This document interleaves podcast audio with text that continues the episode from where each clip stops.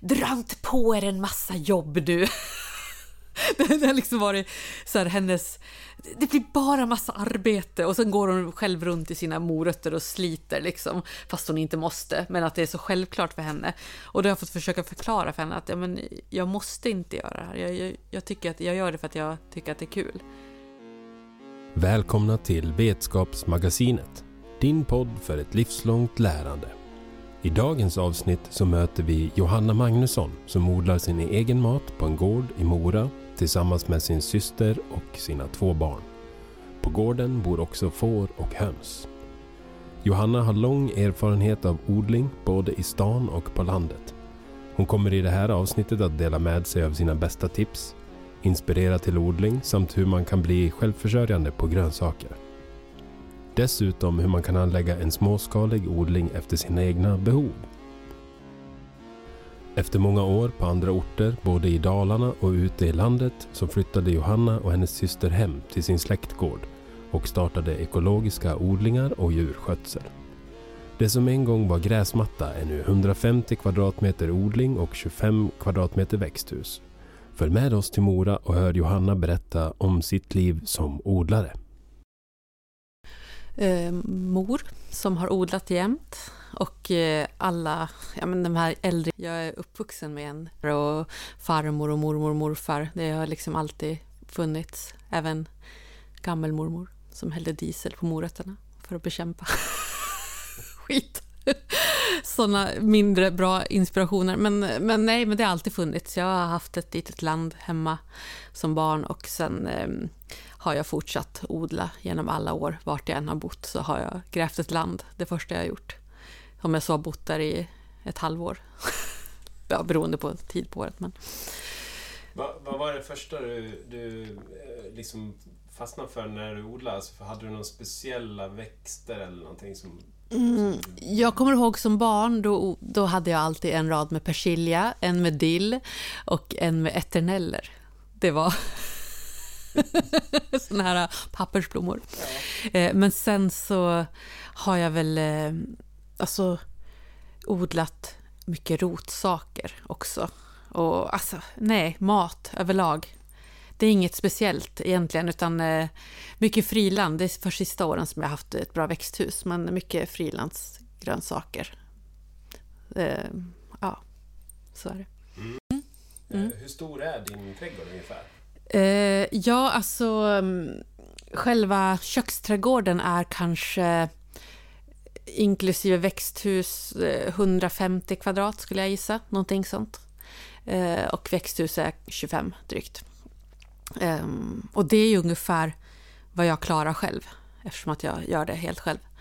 Eh, sen har jag en, eller har vi, jag och min syster, en gemensam bit som, eh, som är på lika mycket till ungefär som vi har haft potatis och så ärtor och sådana grejer på. Um, men eh, ja, jag skulle säga att det, de här 100-150 kvadraten, eh, det är liksom lite maxgräns för mig. Så jag försöker hålla det där för att det ska vara kul. Mm. Fortsatt. Och, och du, du, du nämner din syster mm. som också bor här. Mm. Eh, och ni, ni, delar på, på gården fast ni bor i olika hus. Mm, mm, precis. Men, men ni hjälps alltså åt då när det kommer till... Ja, Alltså, det har väl varit lite så att odlingen har varit min grej. Hon har ju sina får och höns och sådär som är, mer hennes. Men hon vill ju odla mer, men, men det, jag tänker att det kommer. Det kommer. Mm. Så det, det är väl liksom odlingarna har ju varit... Sen har vi hjälpts åt lite grann och så. Absolut. När brukar du sätta igång med att driva upp planter och, och sånt här? På, vilken tid på året och när ungefär? Um, jag börjar med um, vissa tidiga chilisorter som tar lång tid på sig i januari redan. Um, och sen eh, februari lite till, aubergine och sådana grejer. Persilja, purjo. Sen eh, kommer väl de stora sådderna i, nu i mars och april egentligen. Inomhus, tomater och allt sådant. Kål ute i växthuset. Och, eh, frilandssådder börjar i slutet på april om det är ett bra år här. Vi har ju zon 6 nästan, där jag bor. Zon 5, 6 någonting, vilket är ganska sent.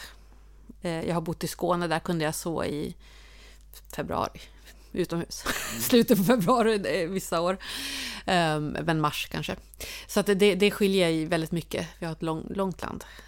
Um, men jag tycker att det räcker, det räcker bra så som det är här. Det blir inte stressigt. Här, vid den här tiden på året, då, då slutar jag följa eh, typ alla odlingskonton som är söder om här. För att eh, annars blir det för stressande när, när det är ehm, eh, färdiga tomater i maj. Typ så.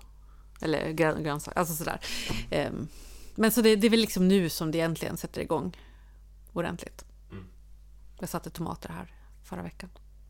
Chili är ju väldigt populärt nu och du odlar ju mycket olika sorter. Mm. Om du skulle ge några tips, alltså vad, vad, eh, vad ska man liksom fokusera på om man vill börja odla chili? Um, ja, det är ju vad man tycker om. Tycker om svinstarka grejer, då ska du ha svinstarka grejer. Men de är mer eh, svårodlade. Det är ju såna eh, habanero typ. Alltså det, det, nu kan det bli nördigt här. Ja. det, det, det, finns ju olika släkten inom chili och det är en sort som heter um, chinense. Capsicum chinense och de är jättelångsamma. De sätter jag i januari redan. Eh, och de har väldigt liksom, ja men de har ofta de här absolut starkaste, typ Carolina Reaper som är världens starkaste som har två miljoner. Eh, den har jag inte dock, två miljoner på Scoville.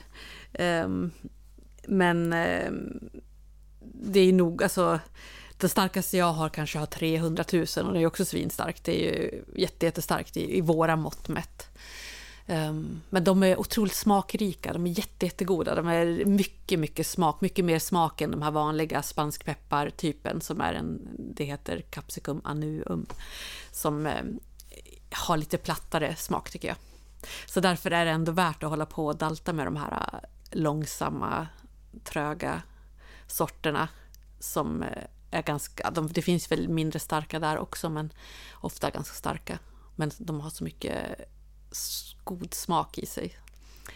Eh, så jag sätter lite sådana och sen så sätter jag lite av de här eh, mer snabbväxande eh, andra sorters chili.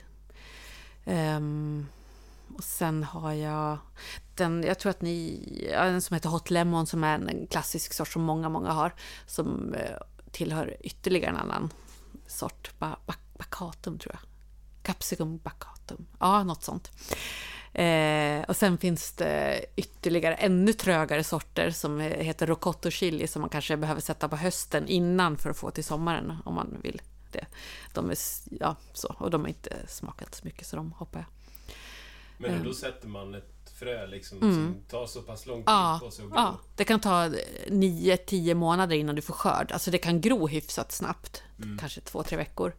Men det tar så lång tid för plantan att utvecklas. De växer jättelångsamt i början. Det tar sån tid att liksom få fram eh, bra plantor. Och eh, eh, ja, de har extremt lång utvecklingstid helt enkelt. Mm.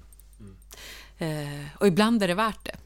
Och ibland är det inte alls värt det. Så det, det, det, är det, och det är ju sånt man får, eh, som man lär sig av erfarenhet också, vad man tycker är gott. Om du tänker på det här med vad man ska tänka på. Alltså det, man får ju fundera på vad tycker jag, vad vill jag ha? Vad, vill jag göra med min chili? Vill jag göra använda den färsk i mat? Vill jag ha mycket styrka? Vill jag ha mycket smak? Vill jag ha bara liksom en bas? Alltså, vad vill jag ha den till? Vill jag göra pulver? Vill jag fermentera? Alltså, vad syftet med, med användningen för det. Mm. Um, och jag, jag använder, jag älskar ju att använda chili färsk i mat. Det är ju liksom, men jag tycker också det är fantastiskt gott att eh, fermentera och göra såser och så här. Det blir ju svingott. Oh. Ja, um, jag sitter och, eller jag håller på att drar på min sista burk här nu till sommaren. Men man har en sån areal som du ändå har att odla mm. på. Mm. Eh, det, det, blir ganska mycket skörd, alltså mm. tänker allt som allt. Absolut. Hur, hur påverkar det din, så att säga, din livsmedelssituation? Ja, ja, den påverkar min livsmedelssituation väldigt bra. Alltså jag har ju sjukt lyxig mat större delen av året. Eh, tomater till exempel, det, det, alltså, jag har ju dels såna här vintertomater som man kan förvara hängande. Jag har typ tre sådana kvar nu. Så det, och då kan du ha färska tomater en stor del av året, fast de är lite... Alltså de är ju lagrade så. Men sen eh, eh gör jag jättemycket eh, sås. Som jag alltså dels konserverar i burkar bara och eh, dels rostar i ugnen och lägger i frysen. Så jag, sånt köper jag ju inte överhuvudtaget. Eh, lök eh, köper jag inte, vitlök köper jag inte eh, chili, tom, eh, potatis, morötter är jag på sista, sista tampen nu, eller vad säger. Och rödbetor har jag. Kålrötter, alltså allt, alltså alla sådana lagringsdugliga grönsaker funkar ju bra på ganska, alltså du får mycket på liten yta. Eh, men nu är jag själv och jag har mina två barn då, så det är vi som äter på det här. Eh, och då funkar det jättebra. Sen kanske är man en hel familj, då kanske man behöver mer mat. Men för, för min del så, det är nu det börjar tryta. Mm. Um, sen, ja men kryddor, alltså jag fryser in mycket, man säger persilja och gräslök och sådana grejer. Och torkar mycket, mycket kryddor också. Vi har barn här i studion. Ja, det är fint. Vi, vi, låter, vi låter honom hållas. Ja, han får hållas. Ja. Det är bara bra. Eh, jag tänker på lagring utav grönsakerna som mm. du var inne på nu. Mm. Hur brukar du gå tillväga? Ja, eh, jag har ingen matkällare. Det hade ju varit toppen, men nu har jag inte det. Så att jag lagrar potatis och eh, rotsaker nere i min tvättstuga som, är, som jag har ganska sval under vintern. Um, och det funkar bra, för där är det viss fukt. Alltså jag har både dusch och eh, tvättmaskin och sånt där, så, så det håller lite fukt där nere. Eh, så det, det, funkar bra i, i backar eh, som jag täcker över med plast och sådär för att hålla lagom fukt. Så får man ju gå och kolla, plocka ur saker. Det är alltid något som möglar sådär, så man hela tiden har koll på läget. Um, men så där förvarar jag rotsaker. Sen så förvarar jag en hel del i frysen. Det är verkligen att rekommendera. stort frysskåp. Det har man mycket nytta och glädje av. Där är mycket bär och, och ja, men, såna tomatsåser och kryddor och eh, bönor. Jag odlar mycket ärtor och bönor och sånt som jag torkar men sen så gör jag storkok och så lägger jag i frysen. Även eh, liksom mer färska, typ haricots och sånt där, det förväljer jag och lägger i frysen. Eh, Sen ja, men, torkar kryddor, eh, fermenterar mycket, alltså mjölksyrning. Jättemycket. Det är en fantastisk lagringsmetod om man tycker att det är gott. Men det är lite en vanesak. Blir också nyttigare om man är ute efter det. Och eh, jag tycker att allting blir mycket godare. För då kan man liksom göra sina blandningar som man vill och ha burkarna stående i skafferiet.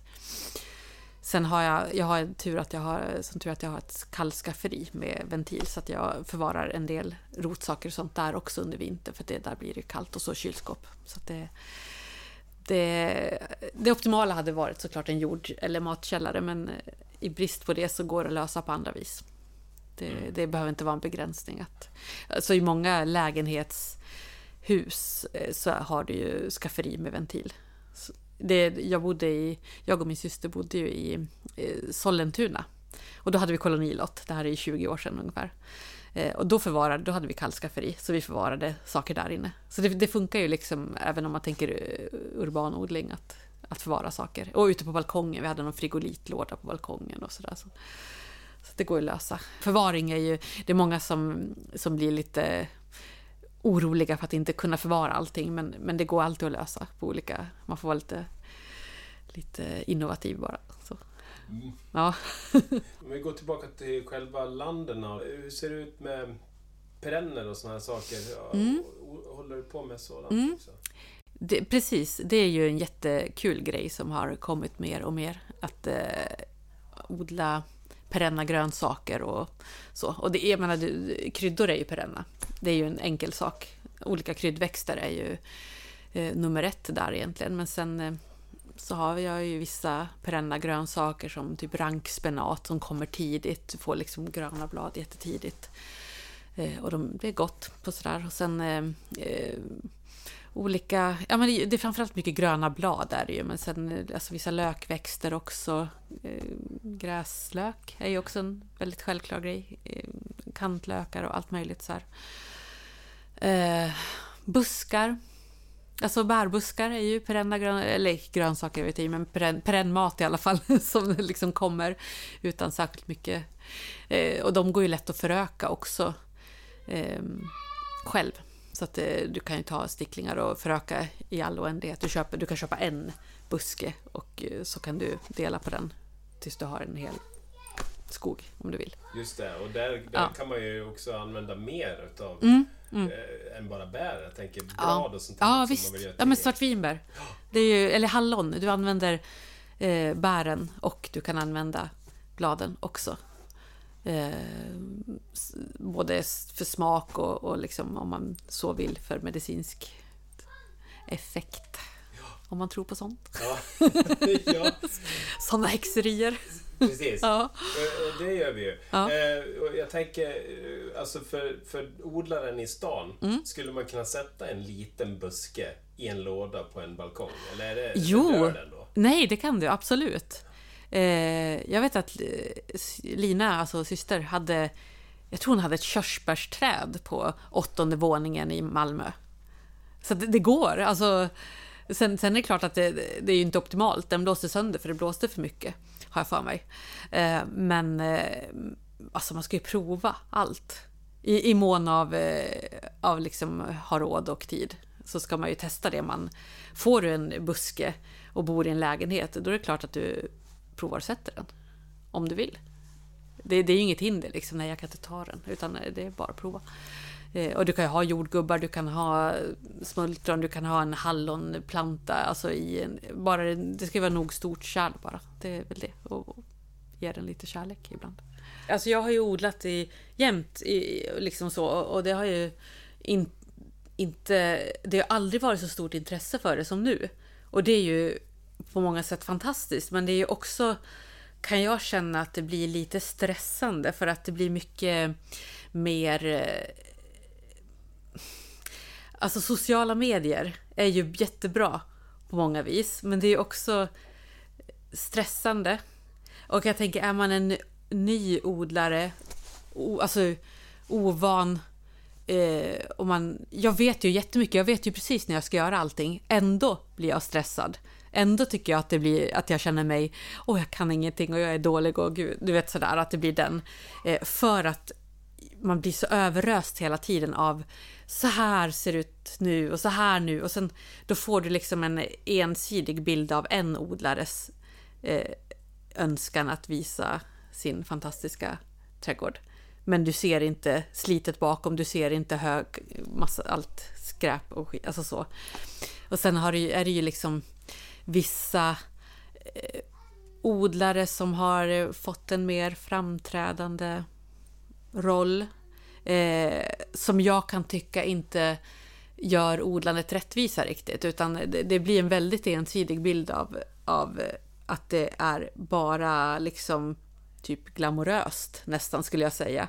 Inte glamoröst kanske är fel ord, men, men eh, eh att det är mycket enklare än, än eh, vad det är och att, att du själv kan rodda ihop 300-400 kvadratmeter köksträdgård, vilket är helt orimligt. Alltså det, det, blir, det ställs höga krav idag. Och jag har alltid haft liksom tanken att det ska vara det ska vara kul att odla och det ska vara rimligt att känna att man orkar och hinner. Och när du då ser folk som själva till synes styr ihop hur mycket som helst och bara allt är bara så här frid och fröjd. Och då, det blir lite fel tycker jag. Det blir en... Eh, eh, det blir fel bild av, av, vad, eh, av vad det är att odla och liksom vad man själv kan hinna med att göra ensam eller vad man nu är. Och sen också tänker jag att, att man får ju återigen tänka efter. Vad, vad vill jag ha för något? Vad, vad vill jag ha ut av mitt odlande? Vill jag vara själv eh, hushållande eller vill jag ha sallad på sommaren? Liksom? Där, där får man ju också så här, och inte titta så mycket på vad andra gör utan försöka och, och stänga av. Jag brukar tänka, alltså, jag har, följer ju en del på Instagram och på Facebook Eh, och så fort jag blir irriterad en gång på en bild som någon lägger ut, då, då slutar jag följa den personen. För att jag säger nej, nu. för att, om, jag blir irriterad, om jag tycker att det är så här, nej, fan, om jag blir stressad eller irriterad eller någonting, då, då ryker den personen. För att det, det ska bara vara bra inspiration, för annars så blir det inte kul. Odling ska vara kul. Jag dör inte om inte jag odlar ett år. Mm. Jag kan gå till affären och handla min mat. Det, jag, jag måste inte odla, utan det gör jag för att eh, liksom få ut eh, någonting. Jag mår ju bra av det arbetet. Det är ju liksom, det är mycket så också, att det, det är ju arbetet i sig som är roligt. Och allt kring så här. På en mm. sån trädgård som du har, mm. eh, som du sa ungefär 150 ja. kvadrat, eh, så har du också ett, ett liksom dagjobb. Ja. Eh, men, men när säsongen är igång, då är det ganska mycket jobb för dig? Det är mycket jobb i början och det är mycket jobb i slutet. När man tar rätt på allting, tar reda på skörden och liksom lägga in och syra och hit och dit. Så um, och i början är det också mycket jobb. Sen eh, använder jag täckodling till exempel, som spar mycket arbete. Alltså det, jag täcker med gräs, allting. Vilket gör att jag, jag vattnar i princip ingenting. Det är extremt lite jag vattnar. Eh, det, och det är också i början när, när eh, eftersådder och sådär. När, eh, när eh, allting är smått.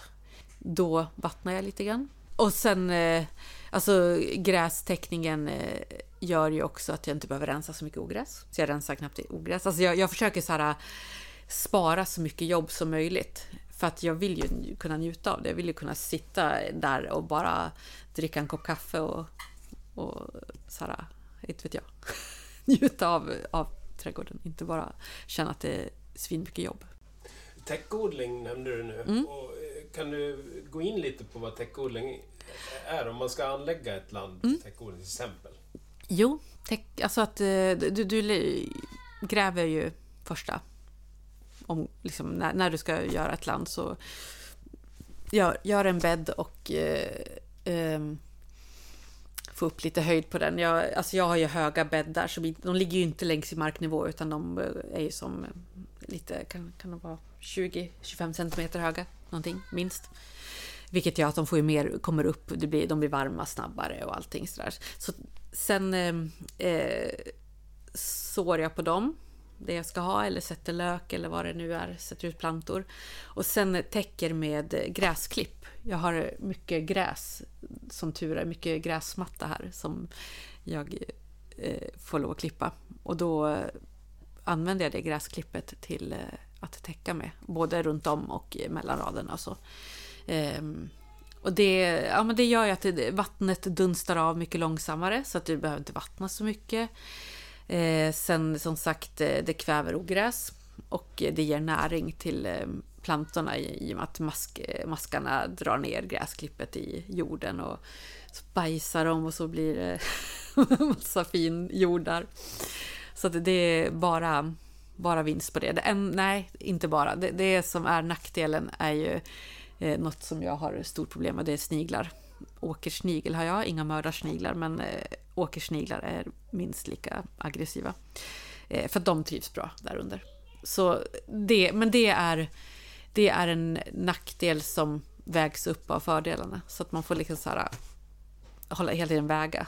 Vad, vad vill man lägga tid på? Vill jag plocka sniglar eller vill jag vattna eller rensa ogräs? Och då har jag kommit fram till att det tar kortare tid att plocka sniglar än att hålla på med andra. Så, så jag får, det är lite pest eller kolera, men, eh, men ah. och det är också mest i början eh, när plantorna ska etableras som, som sniglarna är dåliga. Sen så får man ju bara se till att hålla undan dem.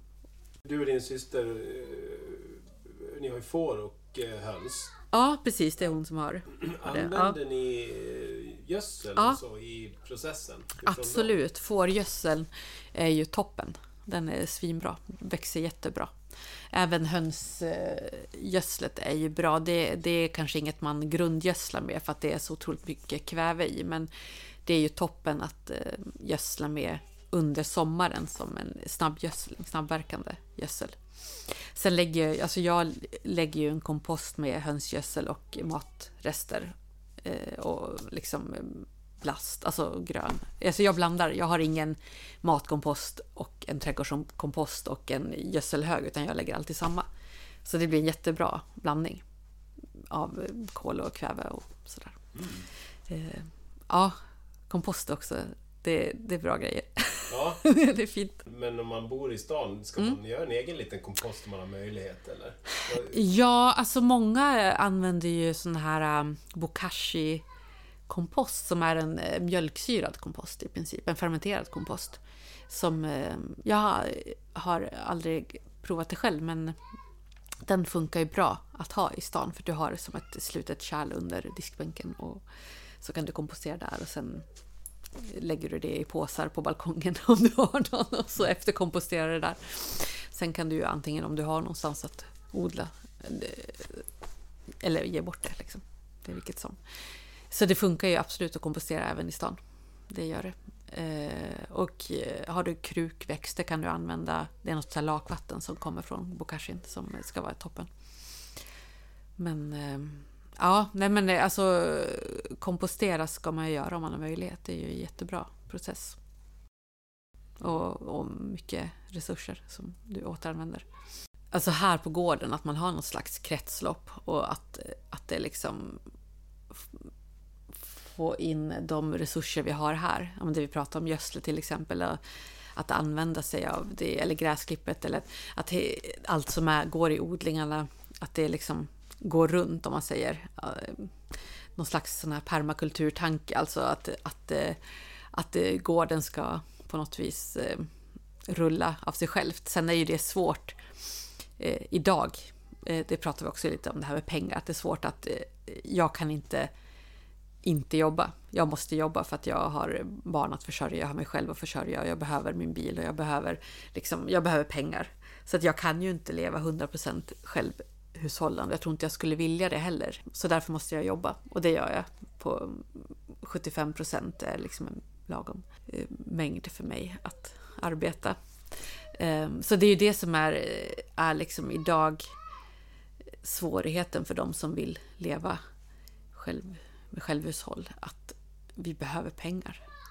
Det är jättesvårt att inte jobba idag. Det, det, liksom, det fyller ju en social funktion också. Jag skulle ju inte vilja liksom bara gå här och inte bidra till samhället utan jag behöver liksom, jag vill ju där, där kommer vi in på den politiska delen också, med att betala skatt och hela den grejen, att liksom vara en del av samhället, göra någonting. Jag jobbar på sjukhus så att jag, jag eh, känner att jag liksom tillför världen någonting också. Och inte bara sitter i någon slags egobubbla här hemma och, och lever mitt liv. Typ så.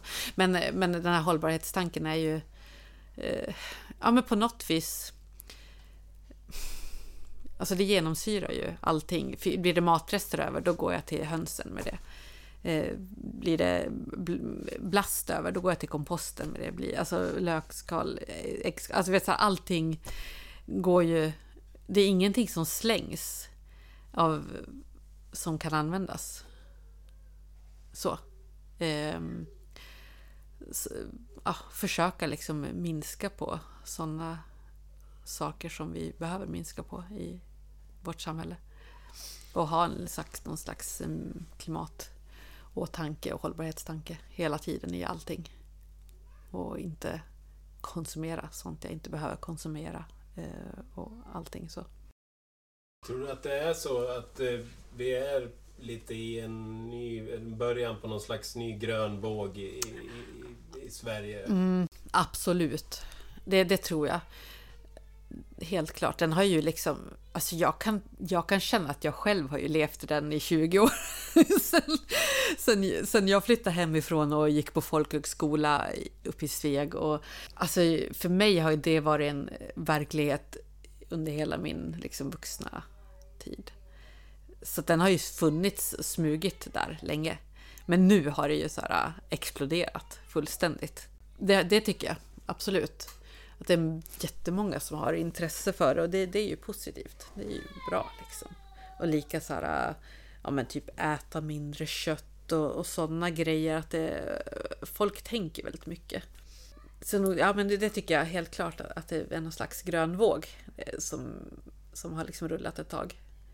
Absolut. Du har ju pratat mycket om, om, om det här med, med att man ska tycka om det man gör och så när man mm. odlar. Men har, mm. har du några, några extra tips och, och, och, tankar som kan inspirera någon att eh, börja plantera frön nu här innan säsongen går igång på riktigt? Alltså sänk prestationsnivån. Ha inte massa krav. Alltså, man ska ha kul. Och, och gör, alltså det är bättre att göra en kruka basilika än att tänka att du måste ha ett helt jäkla stor trädgård eh, med allt i. Det, det, allt, allt man gör är bra, men det finns affärer. Alltså vi kan gå till en affär och handla mat. Du måste inte odla. Det, det, det är liksom, det har, jag har alltid haft den tanken att, att när jag inte tycker det är kul, då, ska jag, då måste jag gå tillbaka några steg. För att jag, jag behöver inte göra det här. Det är ingen som så, som det var för min farmors generation och, och liksom innan dem som fick lov att odla. Jag tror att det kommer mycket av att av hennes attityd till odlingen och som hon har fört vidare till mig och min syster att dra inte på er en massa jobb du. det har liksom varit så här, hennes... Det blir bara massa arbete och sen går hon själv runt i sina morötter och sliter liksom, fast hon inte måste, men att det är så självklart för henne. Och då har jag fått försöka förklara för henne att ja, men, jag måste inte göra det här. Jag, jag, jag, tycker att jag gör det för att jag tycker att det är kul. Och att liksom ha den, den hela tiden, att, att eh, tänka att vi, vi, vi är inte beroende av att odla mat. Utan eh, ska, man, ska vi göra det, då ska vi göra det av för att vi vill. Inget annat. Så det, det tycker jag är en jätteviktig sak att komma ihåg. Att det, det är liksom, vi är oberoende av att vi odlar mat själva. Utan vi gör det för att vi vill. Om, om man gör det. Så. Och, och att liksom hellre göra, hellre alltid göra mindre än för mycket. För att för mycket kan ju ta död på allt. Det, då blir det jättetråkigt. Det, det blir bara stress och, och eh, press och allting sånt. Um, och liksom... Ja, jag tänker det. Sänk, sänka nivån. Lägga den lågt. Ha ett glas vin i handen och ta det lugnt liksom. Det är, herregud. vi, vi får mat. Ja. Det, det, man behöver inte vara bäst. Man behöver inte liksom vara en jäkla eh, hel ylle super pretto människa och göra allting from scratch, utan använd genvägar. Var glad. Det var allt vi hade att bjuda på i Vetskapsmagasinet för den här gången. Men vi kommer snart tillbaka och Johanna kommer vi att få träffa igen. Vill ni följa Johanna och Lina så finns deras Instagramkonto Systrarna i Svidjön och där kan man få ta del av odling, återbruk och djurhållning på både nytt och gammalt vis. Länk finns i beskrivningen till avsnittet. Vi tackar er lyssnare för att ni var med oss idag. Andreas Bayer heter jag och ni hör på Vetenskapsmagasinet, en podcastproduktion av Medborgarskolan och vi finns där poddar finns. På återhörande.